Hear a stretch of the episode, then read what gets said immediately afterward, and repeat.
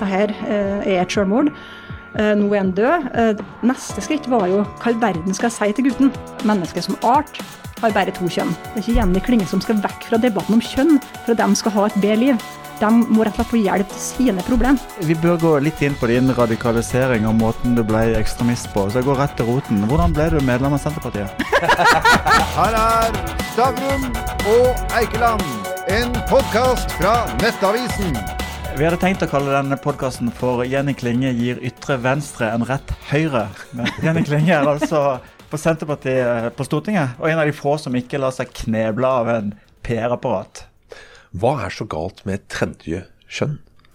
Det vet jeg ikke nødvendigvis, for jeg skal innrømme at jeg har ikke tatt stilling til akkurat spørsmålet tredje kjønn.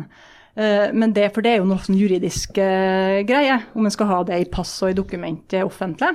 Men det som jeg har vært ekstremt tydelig på, det er jo at vi som menneske, menneske som art, har bare to kjønn. Og at vi ikke kan begynne å tale om at vi har flere kjønn, eller at vi kan skifte kjønn. For det kan vi ikke. Det er noen arter som kan det, men ikke mennesker.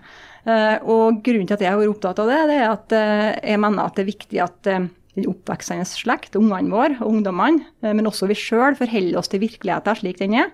Samtidig som vi kan være tolerante overfor dem som har en annen kjønnsidentitet eller en annen personlighet og har egne oppfatninger om kjønnet sitt som ikke samsvarer med virkeligheten.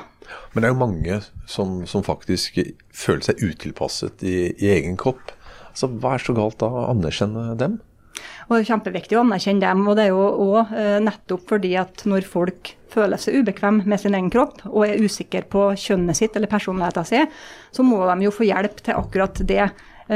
I en verden, i hvert fall i Norge her, der kroppspositivisme har blitt så viktig de siste åra. At vi skal være stolt av den vi er, uansett hvor tung vi er, eller hvordan vi ser ut. og Alle mulige former av oss, så skal vi være glad i den vi er. Så blir det noe ekstra trist ved at en nå til dags da, nesten oppfordrer unger om å skulle begynne å fikle med kroppen sin, fjerne kjønnsorgan og drive med hormonbehandling for å bli et annet kjønn enn en faktisk er. Og en, når en alder kan bli et annet kjønn enn den en faktisk er. da. Sjøl om en selvsagt kan kjenne seg som noe annet. Vi skal mye dypere i dette, men det er bare til noe litt tematisk uh, forskjellig. Fordi at du, du, rykker jo ut nå mot, mot influensere som rokker med unge jenter sin uh, selv, selvforståelighet. Og så karakteriserer du deg selv som en sur gammelkjerring. Hva var det du ble så irritert over? det er jo silikonpupper overalt. Det er Botox og det er fillers og alle mulige varianter av hvordan skal du få til å se annerledes ut enn det du gjør. Sant? Det er det altfor mye av. Og så har jo jeg blitt 46 år, da. Begynt å få skrukker. Og så har jeg begynt å lure på hva skal jeg gjøre nå, da? Skal jeg begynne å fylle inn det òg, for å se litt liksom vakker og glatt ut? Og så har jeg tenkt på det at nei, jeg vil heller være et sjarmerende uh, skrukketroll enn å være en sånn skrekkmaske, som jeg mener mange av oss her blir. da. og, og, jeg mener jo seriøst, sant? fordi at jeg syns ikke det er bra. Men så, det som produserer meg med det, det er jo at, um, at når media går så langt i å presentere hvordan er det, det er, du skal få lov til å gjøre det her, men hvordan kan du gjøre det? Hvordan ser denne sprøyta ut, hvordan ser du ut de første tre dagene etter en operasjon, hvordan vil du bli seende ut etterpå, og så fin du blir når du endelig har fått seg Botox-sprøytene når de gjør det der, så er jo det noe som eh, jeg mener egentlig burde være på tvers av den norske folkesjela. For vi er jo, sånn som jeg oppfatter oss som, som nasjon, selv opptatt av det naturlige. Vi burde i alle fall være det, da, om vi ikke er det. Eh, og det reaksjonen som kom mot denne klinikken til Pia Tjelta og co., um, skjønnhetsklinikken på Oslo vest, det var befriende. For det, da kom det en sånn massiv reaksjon på nei, vi skal ikke ha dette her, vi. Men parallelt så er det slik at klinikker tilbyr eh, hormonbehandling og operasjoner av ungdommer og voksne som ønsker å endre kjønnet sitt, da, som vi talte om i stad. Og jeg mener at det er så galt, det er så galt stikk i strid med den der kroppspositivismen vi burde feire. Ja, men Litt av problemet der var vel at de blanda inn kvinnehelse i det. Uh, mm. og, men er det, er det, så galt hvis noen har har lyst til å bare sprøyte inn noe for å glatte, glatte, opp litt. Altså, Er det så galt? Hva er galt med det? Altså, Hvis folk har lyst til det? Nei, jeg, jeg, Det er ikke nødvendigvis så galt i seg sjøl at hver enkelt gjør det, men hvis vi blir et samfunn som bruker kanskje milliarder av kroner på at folk skal se glatt og såkalt fin ut, når de i praksis kommer til å se ut som noe rene helvete, sånn som jeg mener de gjør etter noen år. Som noen, noen må si det til dem. Det er mange av kjendisene som vi husker som fin, som ung, som har kunnet vært kjempefin som eldre òg. Men fordi de har drevet med den jævelskapen der og sprøyta inn, så ser de jo ikke ut til slutt. Noen må si det til dem. Men de bruker jo egne penger, da. Altså, det er jo ikke, vi, det er ikke dine og mine penger. Det er jo sine egne penger, da. Og da Jo, men det som jeg er opptatt av, det er at media i alle fall ikke skal bruke uforholdsmessig mye plass på å fremme denne type operasjoner og behandlinger. For det vil jo føre til at folk som strengt tatt burde bruke pengene sine på noe mer fornuftig, eh, bruker dem feil. Det er en ting.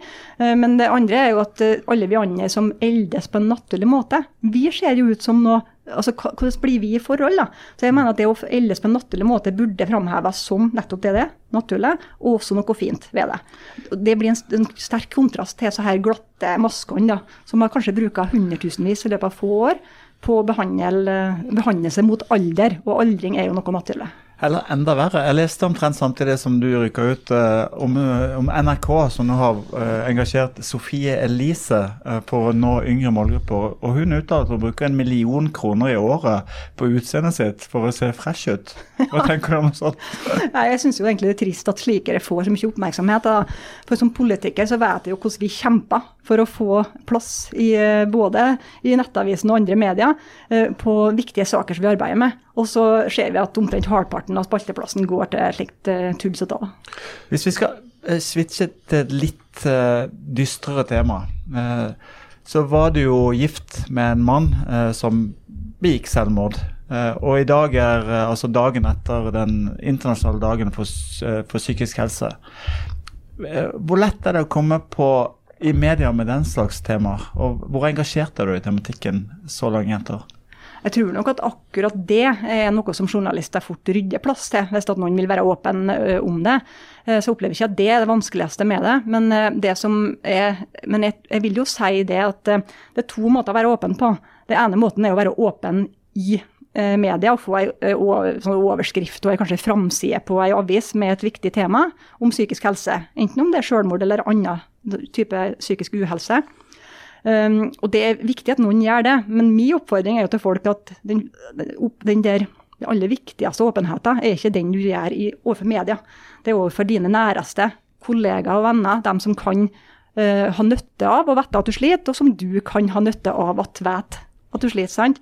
Um, så det er noe som jeg er litt opptatt av. Jeg tror vi må være litt forsiktige med å drive fram at alle sammen skal stå fram i avisa med den lidelsen hun har. Uh, For det kan være fint at somme snakker om det, men for all del er det ikke der du får hjelp. Uh, Og det er ikke den viktigste åpenheten som finnes. Men det hadde jo en sønn sammen, eh, som var vel sånn ni-ti år gammel? Ja, han var ni år, ja. ja. Eh, hvordan klarte du å altså, takle det sammen med han? Altså, det må, kan jo ikke ha vært lett? Nei, det- er eh, eh, en episode da, i livet mitt som har vært det aller, aller verste, mest ekstreme, så er det nok eh, rett etter at faren tok livet sitt, og jeg måtte fortelle det til, til gutten. Og det, det er ingen tvil om at det uh, har satt spor til oss begge to, uh, sjølsagt. Og ikke bare oss, men han hadde jo også fem unger fra før. Fem flotte unger som det også ble ramma av det her. Um, og det som, er, det som var vanskeligst for meg akkurat når det skjedde, er det første var jo å ta inn at her har det skjedd. Dette her eh, er et selvmord. Uh, nå er han død. Uh, neste skritt var jo hva i verden skal jeg si til gutten? Jeg, jeg måtte jo fortelle at han var død, tenkte jeg. men så kommer spørsmålet hva har skjedd?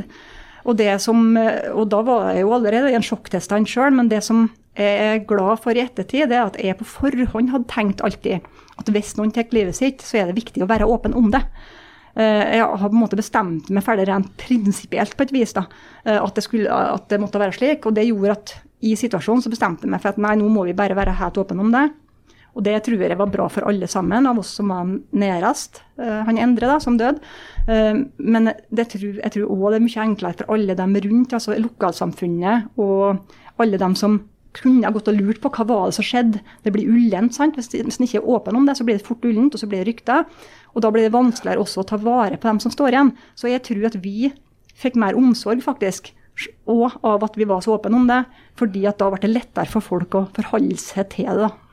Du har jo vært eh, politiker i mange år. og Du har jo garantert også tenkt gjennom dette i ettertid. Og I Norge så har vi altså 500-600 selvmord i året. Det er jo epidemisk nesten i antall, og det er jo fem ganger flere enn som dør i trafikken. Ja.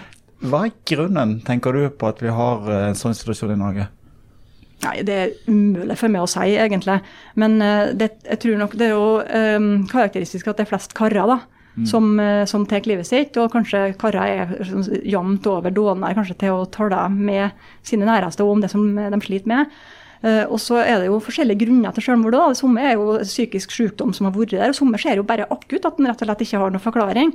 Så eh, det er ikke lett å forebygge, men det er jo i i, jeg kjenner jo til fra det tilfellet med også at det var, det var, jo ikke noe enkelt å få hjelp. når Det var jo ting som skjedde før der. Mm. Eh, og det kunne ha vært at det kunne ha kommet hjelp eh, mm. tidligere, som ikke kom.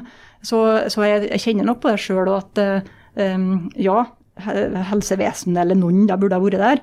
Men på den andre sida, de har jo utrolig mange tilfeller i løpet av et år som eh, er, virker dramatisk, som ikke blir selvmord òg. Mm. Så når er det de skal vurdere det til at det her er faktisk krise, og det her er ikke krise?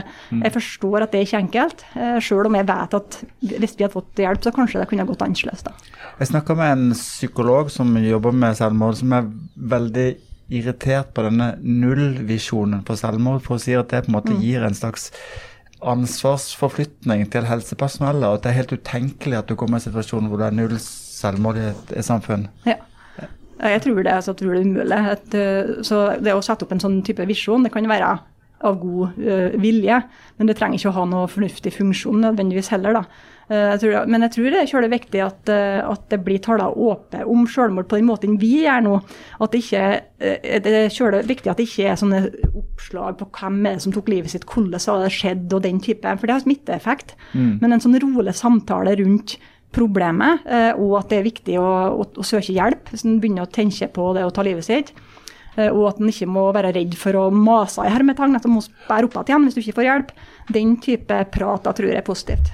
Altså, Det hører med til historien at du har jo funnet kjærligheten på ny. Ja, det har jeg Så du, du, har det bra nå?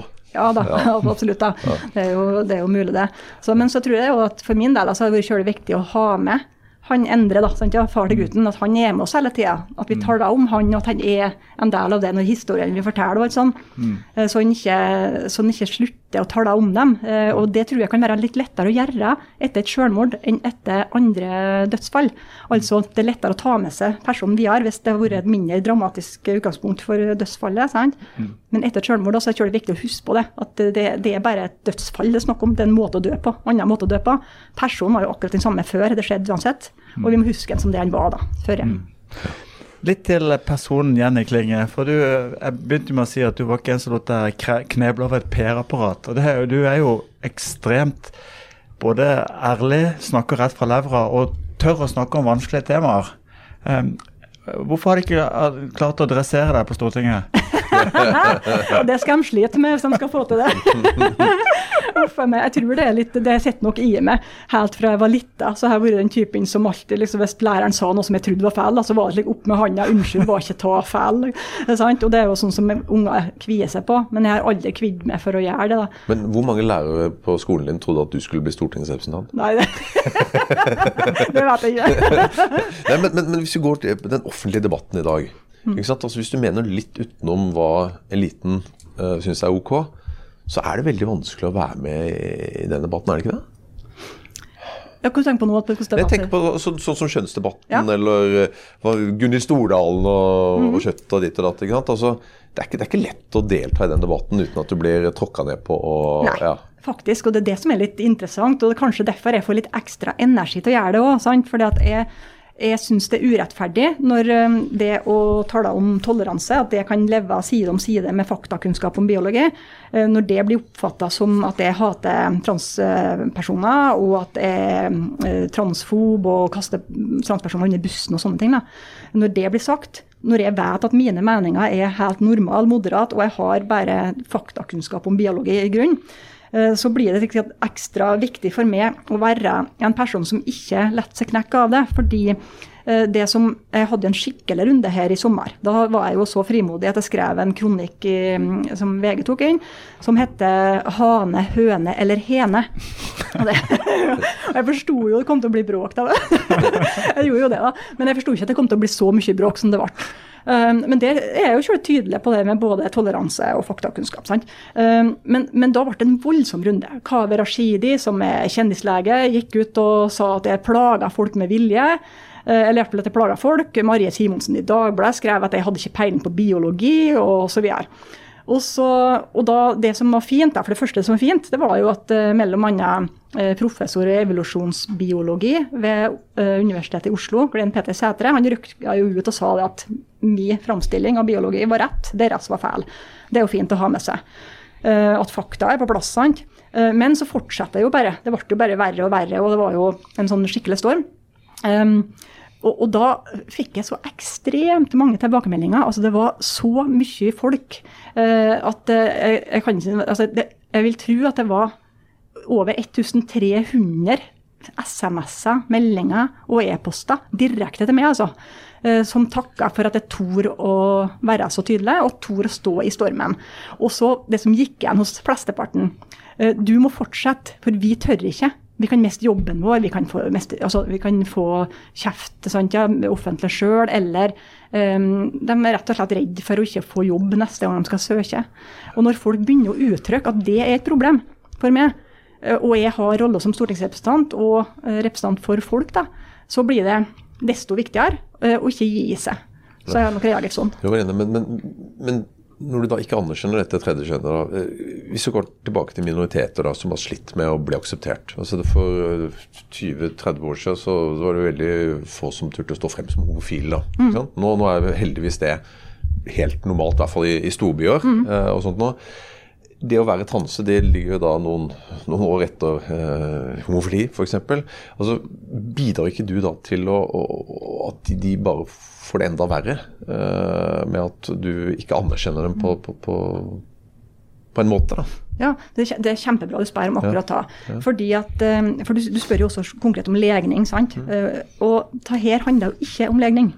Altså, homoer, altså Homofile og lesbiske de har en tiltrekning til det motsatte kjønn.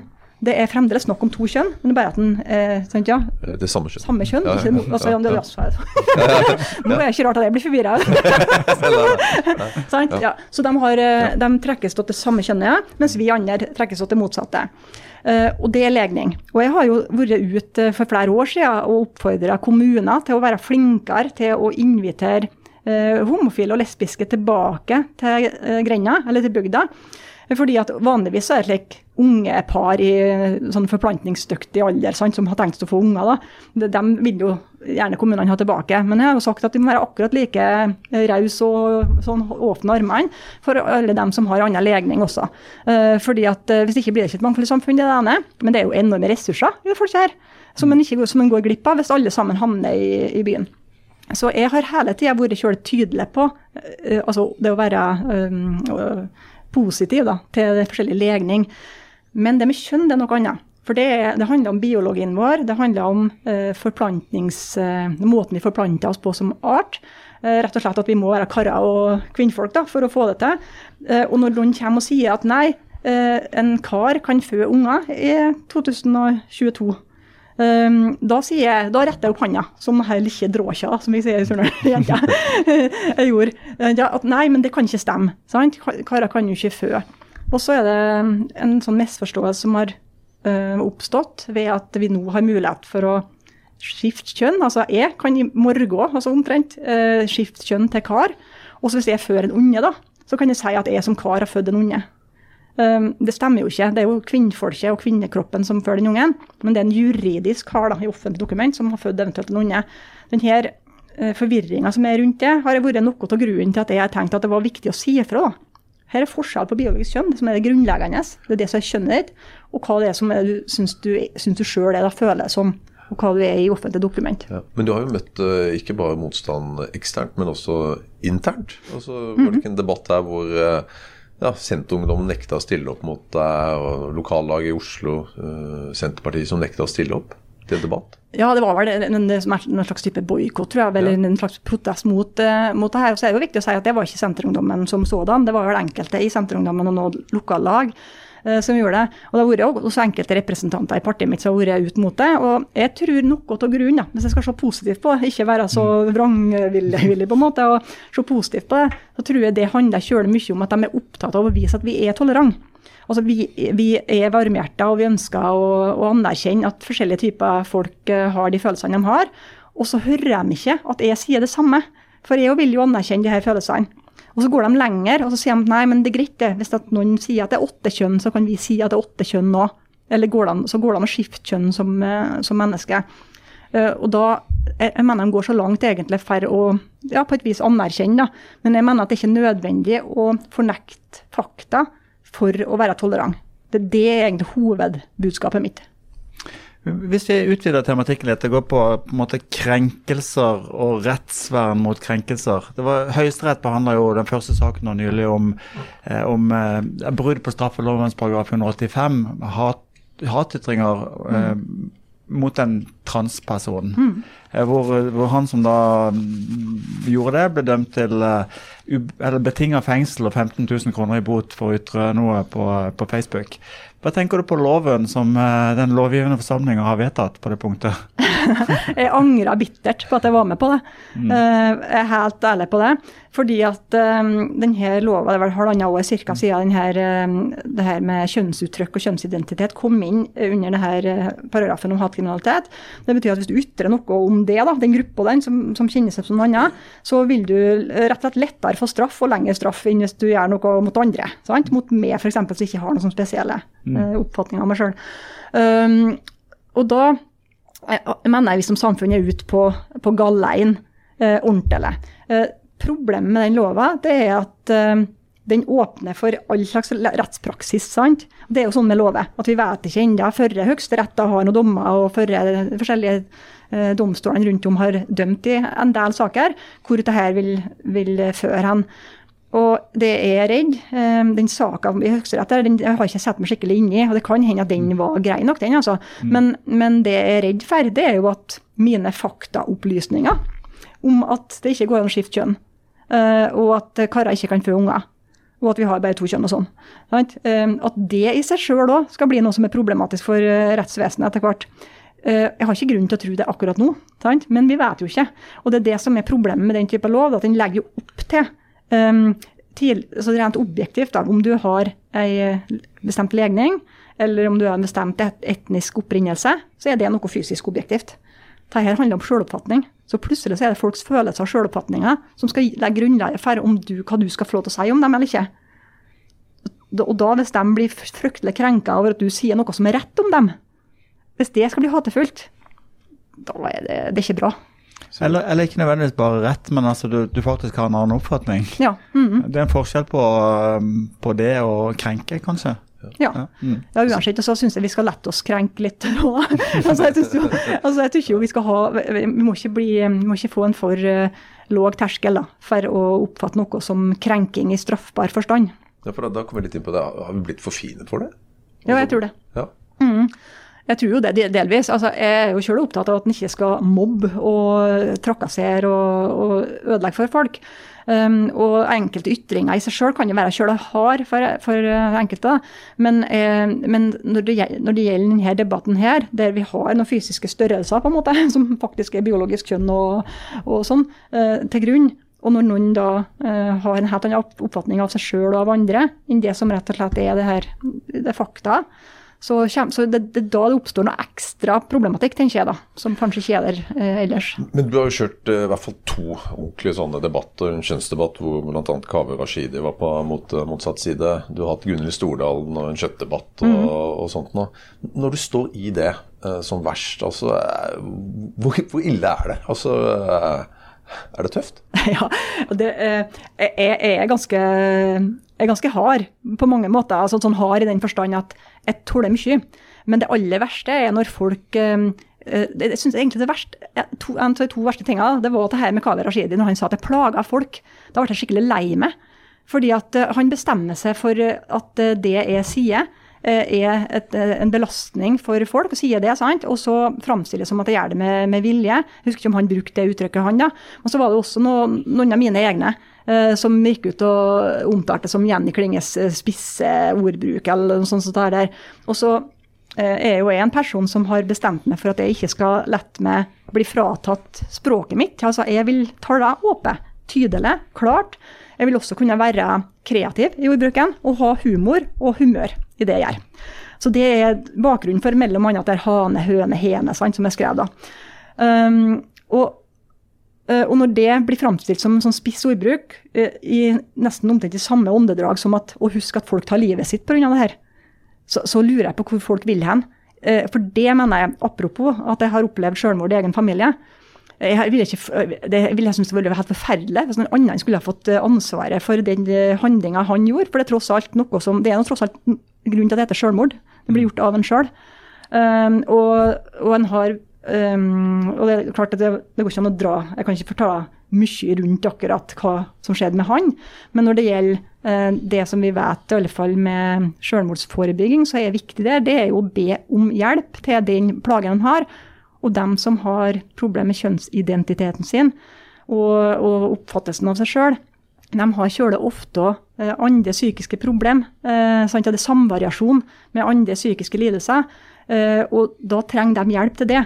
Det de trenger, er ikke at jeg blir fjerna fra debatten. Det er ikke Jenny Klinge som skal vekk fra debatten om kjønn for at de skal ha et bedre liv. De må rett og slett få hjelp til sine problem. Det må vi aldri glemme. Jeg tenker Vi bør gå litt inn på din radikalisering og måten du ble ekstremist på. Så jeg går rett til roten. Hvordan ble du medlem av Senterpartiet? fin. Ja, men det har, det har jo ikke mange igjen nå som tilhengere. Eh, altså, hvor, hvor lenge kan dere sitte i regjering? Altså, det går jo bare én vei her, det. Nei, Vi kan absolutt sitte i regjering lenger, da, men jeg har jo vært, faktisk vært i politikken i 23 år, og jeg er 46 år i år. Så halve livet mitt så har jeg vært i Senterpartiet. da, Så det er en stor del av livet mitt, det må jeg si. Um, og det som jeg har lært, da, for jeg begynte jo i kommunepolitikken med formannskap og kommunestyre og sånn, og så har jeg vært på Stortinget siden 2006, først som vara, fast fra 2009. Og da, det som jeg har, fall har lært, det er at Senterpartiet eh, Vi kan si mye galt om Senterpartiet. Helt sikkert. Sånn om alle partier. Altså, vi har jo sider alle sammen. Men, eh, men en ting Senterpartiet er rågod på, det er det å faktisk forstå at vi må ta ansvar. Så at jeg har vanskelig for å se for meg at vi pga. dårlige meningsmålinger skal stikke halen mellom beina og forsvinne ut av regjering for å få bedre meningsmålinger senere. sant? Er ikke, vi er ikke typen til det. Så vi er i regjering av en viktig grunn, og det er at vi ønsker å uh, være med å påvirke skikkelig hva som skjer med det landet her. Og det er vi jo i gang med. Altså Vi skal jo reversere domstoler, vi legger på til politi, og vi durer på med det ene med det andre. Landbruksoppgjøret. Altså, så. Innføre grunn, eh, grunnskatt på Ja, ikke minst. ja, ikke minst. Det kom den, ja. men, men, men er ikke det litt av problemet deres? Altså Dere må ha støtte fra SV. Uh, og da blir det lite Senterpartipolitikk. Og da blir det lite eh, eller få prosenter på meningsmålingene. Altså, For det, det, det fører jo ikke ordentlig Senterpartipolitikk. Nei, Det er jo et problem i et uh, demokrati, dessverre, at en må ha nok oppslutning fra velgerne til å få over 50 uh, Og jeg skal innrømme at på valgnatta, da jeg innså at vi måtte styre sammen med SV, så kom det et eh, banneord som sikkert ikke passa godt her. Så fordi at det var ikke drømmen, altså. Drømmen var å få regjere sammen med Arbeiderpartiet. Det er krevende nok, det. Og, å stri med Arbeiderpartiet, selvsagt. For vi er to forskjellige partier, vi òg. Men vi to partier har kommet til å få til mye mer eh, og en fastere styring. Det vi nå får til når vi er avhengig med SV, det er jeg enig til. Men jeg syns det er litt urettferdig at er Senterpartiet som skal tape så mye på det, fordi det vi tross alt får til i regjering, vi ser bare på dette landbruksoppgjøret som er så viktig for matproduksjon i hele landet, eh, så, så burde det vært feira og ikke straffa. Jeg bare røper det at Grunnen til at det er bit, bitterheten i spørsmålet er at Ole er gammel Arbeiderparti-person, så han, han, han føler det på, på hjertet. Men du, eh, litt bytta tema. Eh, hvilket eh, syn har du på innvandring og måte flerkult, et flerkulturelt samfunn og eh, islam?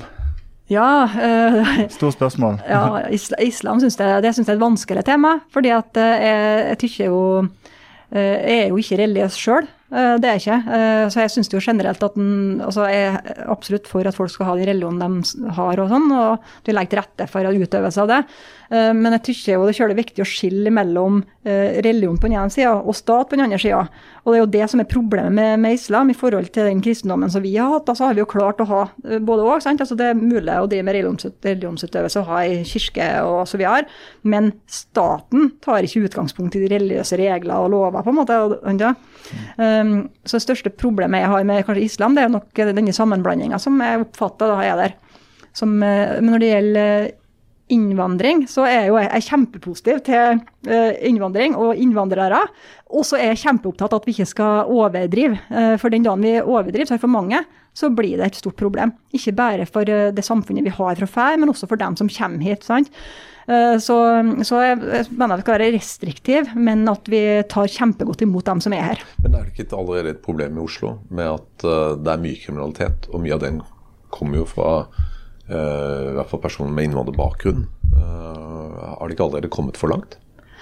Yes. Det, det som jeg tror er i hvert fall viktig her, det er å se nettopp konsentrasjon av befolkningsgruppa. For det er helt tydelig at det ikke, at det ikke er bra at det blir gettotilstander, man skal kalle det. Det kanskje går litt langt, men i alle fall så, så Det vil jo være mer problem i en større by enn resten av landet uansett. Og så blir det større problem hvor mer konsentrasjon det blir eh, av innvandrergrupper. Kan bli det i hvert fall. Og det er absolutt noe å ta tak i. Men et, når det gjelder dem som kommer til landet, som vi uansett tar imot, så er det kjølig viktig at vi ikke ser på dem som et potensielt problem. Vi må jo ta imot dem som en potensiell ressurs og, og med, med åpne armer, tenker jeg. Og så får vi ta tak i de problemene som er der de eksisterer. Men når det kommer så eh, relativt store innvandrerstrømmer sånn fra tid til annen til Europa, er det ikke veldig egoistisk at ja, nå har vi fått nok, så nå gidder ikke vi å ta flere? At vi bare overlater det til Italia og til, til andre land? Er ikke det, blir ikke det for egoistisk? da? Jeg synes det er kjempebra at vi klarer å ha en fordeling på flyktningene som står i forhold til størrelsen på landet og størrelsen på innbyggertallet òg, da. Og det, er jo, det siste er jo kjølig relevant for oss. altså Så lenge som vi ikke er flere enn vi er, så kan ikke vi ta inn en for stor andel. For da skaper det et problem for integreringa i seg sjøl, men også for det samfunnet som vi har da, som utgangspunkt. Mm. Regner du deg selv som feminist? Nei. Og jeg hvorfor er jeg så redd for å si det, for jeg, jeg kjenner jo så mange flotte feminister, og vi er jo så enige om mye. Så, men grunnen til at jeg sier det, eh, det er ikke for å ta avstand fra dem som kaller seg for feminister, eller fra feminismen som Jeg vet jeg vet ikke helt hva det er for noe. Eller. Men, men det som jeg er litt opptatt av, da, det er at eh, at vi ikke glemmer at kanskje at det viktigste er likestilling. Det ser jeg for meg. Jeg tenker på meg sjøl som opptatt av likestilling, ikke som feminist. Um, så- men så forstår jeg jo at det er en del spørsmål som er helt åpenbart og ekstra viktig for, for kvinnfolk å, å arbeide med. Og det her med kjønn og den debatten der, den er jo et kjempegodt eksempel på hvorfor jeg og feminister kjører, kjører enige. Da. Uh, det er at vi, hvis vi tar bort begrepet uh, kar og kvinnfolk og uh, far og mor, så får vi et problem med å sette rettighetene for kvinnfolk òg. For kvinnfolk er tross alt det sårbare kjønnet i en del sammenhenger. Og når det gjelder fødsler og det å bære fram unger, så er det jo helt åpenbart at vi er nødt til å ta oss godt vare på. Jeg husker jo bare fra meg sjøl og denne perioden som gravid og, og alt sammen. Klart at jeg hadde behov for noe helt annet enn en kar hadde i den sammenhengen der. Nå er du altså eh, 46 år snart, eh, og gikk inn i politikken da du var 23. Hva skal du gjøre når du blir stor? Jeg har faktisk fylt 46, da, men jeg vil ikke si at jeg snart blir 47. Eh, Nei, vet du, jeg vet da farsken, tenk så ganske gjerne bli stor. Jeg har vært for lenge i politikken, vet du. Så jeg må finne på noe. Jeg tror jeg må finne på noe faenskap, rett og slett. Det er Endelig ferdig på Stortinget. Du fikk Stavrum og Eikeland, en podkast fra Nettavisen.